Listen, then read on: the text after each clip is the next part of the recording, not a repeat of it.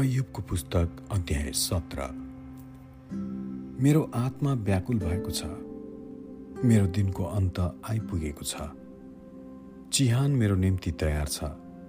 म जता फर्के पनि मानिसहरू मलाई ठट्टा गर्छन्। मेरा आँखाले तिनीहरूको विरोधलाई मात्र हेर्नुपर्छ। हे परमेश्वर तपाईँले माग गर्नुभएको धरोटी मलाई दिनुहोस्। किनभने अरूको मेरो निम्ति जमानी बसिदिन्छ र तपाईँले ती मानिसहरूलाई विजय तुल्याउनु हुने छैन जसका मनको सम्झने शक्ति तपाईँले बन्द गरिदिनु भएको छ।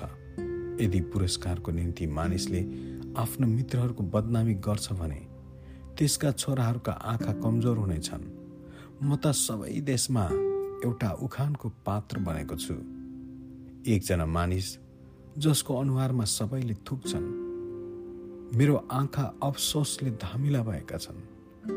मेरा सम्पूर्ण शरीर नै छाया जस्तै सुकिगएका छन्। यसले गर्दा इमान्दार मानिसहरू अलमल्ल परेका छन् अनि निर्दोष मानिसहरू डराएर थरथर भएका छन्।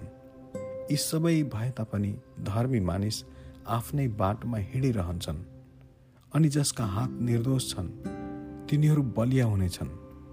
तर आऊ सबै फेरि कोसिस गर। तिमीहरूका बिचमा त म एउटै बुद्धिमानी मानिस पाउने छैन। मेरा दिन बितिसके मेरा युक्तिहरू विफल भए र मेरो हृदयको इच्छा खतम भयो। यी मानिसहरू दिन चाहिँ रातमा परिवर्तन गर्छन्।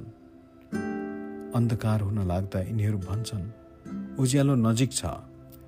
यदि मैले आशा गरेको घर चिहान हो भने यदि मैले मेरो ओछ्यान अन्धकारमा बनाएँ भने यदि मैले भ्रष्टतालाई तपाईँ मेरा बुवा र किरालाई तपाईँ मेरी आमा अथवा मेरा दिदी बहिनीहरू भनी पुकारे भने मेरो आशा कहाँ गयो त? र कसले मेरो निम्ति केही आशा देख्न सक्ला? के यो मृत्युको ढोकामा जान्छ? के हामी सँगै धुलोमा पर्नेछौँ आमेन।